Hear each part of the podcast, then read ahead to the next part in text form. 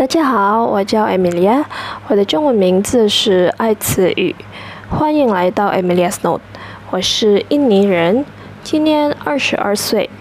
我通过这个录音想跟你们分享我学中文的经历。我什么时候开始学中文？为什么学中文？对我来说，中文难不难？我怎么学中文？等等。首先，我想告诉你们，我家里一个都没有华人，也没有华侨，所以我刚开始一点都不知道中文。我只知道中国，但他的语言我都不明白。说实话，我第一次学中文的时间已经很久了。我记得。我在小学就学过中文了，小学四年级才有中文课。其实到六年级有中文课，可是六年级时我转学，在下一个小学没有中文课，却有阿拉伯文课，所以小学的时候只学过了两年中文课。中学的时候呢，也没有中文课。高中学的时候，在第一年级和第三年级再有中文课。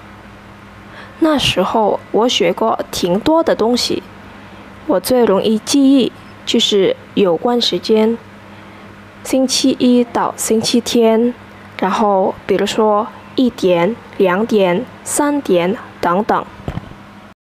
上大学的时候，我在学中文，是因为我的专业是中文系。我本来不想选择这个专业，其实我想要的是信息系统系。高中学的时候，我特别喜欢物理学，还喜欢有关电脑的东西。可是我考不上这个专业。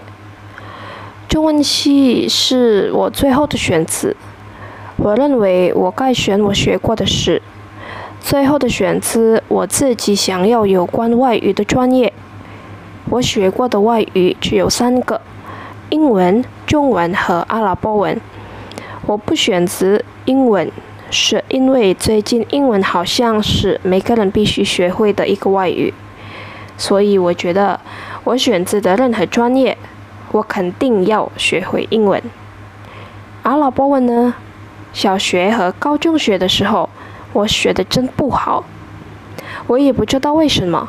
对我来说，阿拉伯文这么难，我想起来小学的时候，我正常的做一个阿拉伯文考试，我的成绩就是三十分，然后下一个考试我作弊，我的成绩就变成八十分。那中文呢？从小到大我一次都没有作弊，成绩比较好，还常常考了满分。所以我觉得中文是比较合适的。从二零一五年到二零一九年，我在印尼大学学习，这段三年半的时间是很难忘的。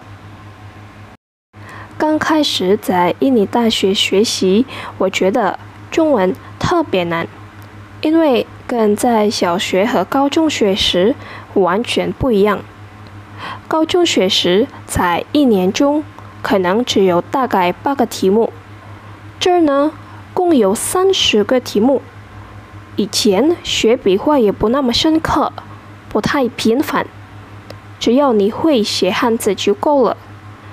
在印尼大学，在头一个月左右，我们很认真的学怎么把汉字写好。不知道为了这个，我已经买了几本本子。但是以后写汉字就不太难了，不只是写字，听力、说话、阅读，都还是应该那么认真的学习。对我来说，最难的是我们的第一年级。这一年中，我们为了达到目标，就要好好适应自己的学习方法。除了写字。对我来说，最难的就是听力和说话。到现在，我认为为我最有效的方法有三个：第一是看电视剧，第二是看电影，第三是听音乐。我常常做的是看电视剧，因为这个方法我觉得是很全面的。我们能听演员在说什么，还能看中文的字幕，因为中国的电视剧一般会有中文字幕。最重要的是，如果我们不了解他们说的句子，我们能从他们的演技来估计这些句子大概是什么意思。看完后就查词典。现在我当中文老师，还当自由翻译，还有我马上就要开始读研究生了。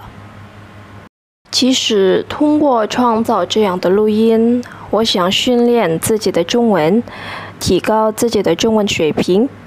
特别是说话的部分，因为我觉得说话是我最差的语言部分。我希望以后能够自信点说中文，更流利说话，还能为大家更有用的。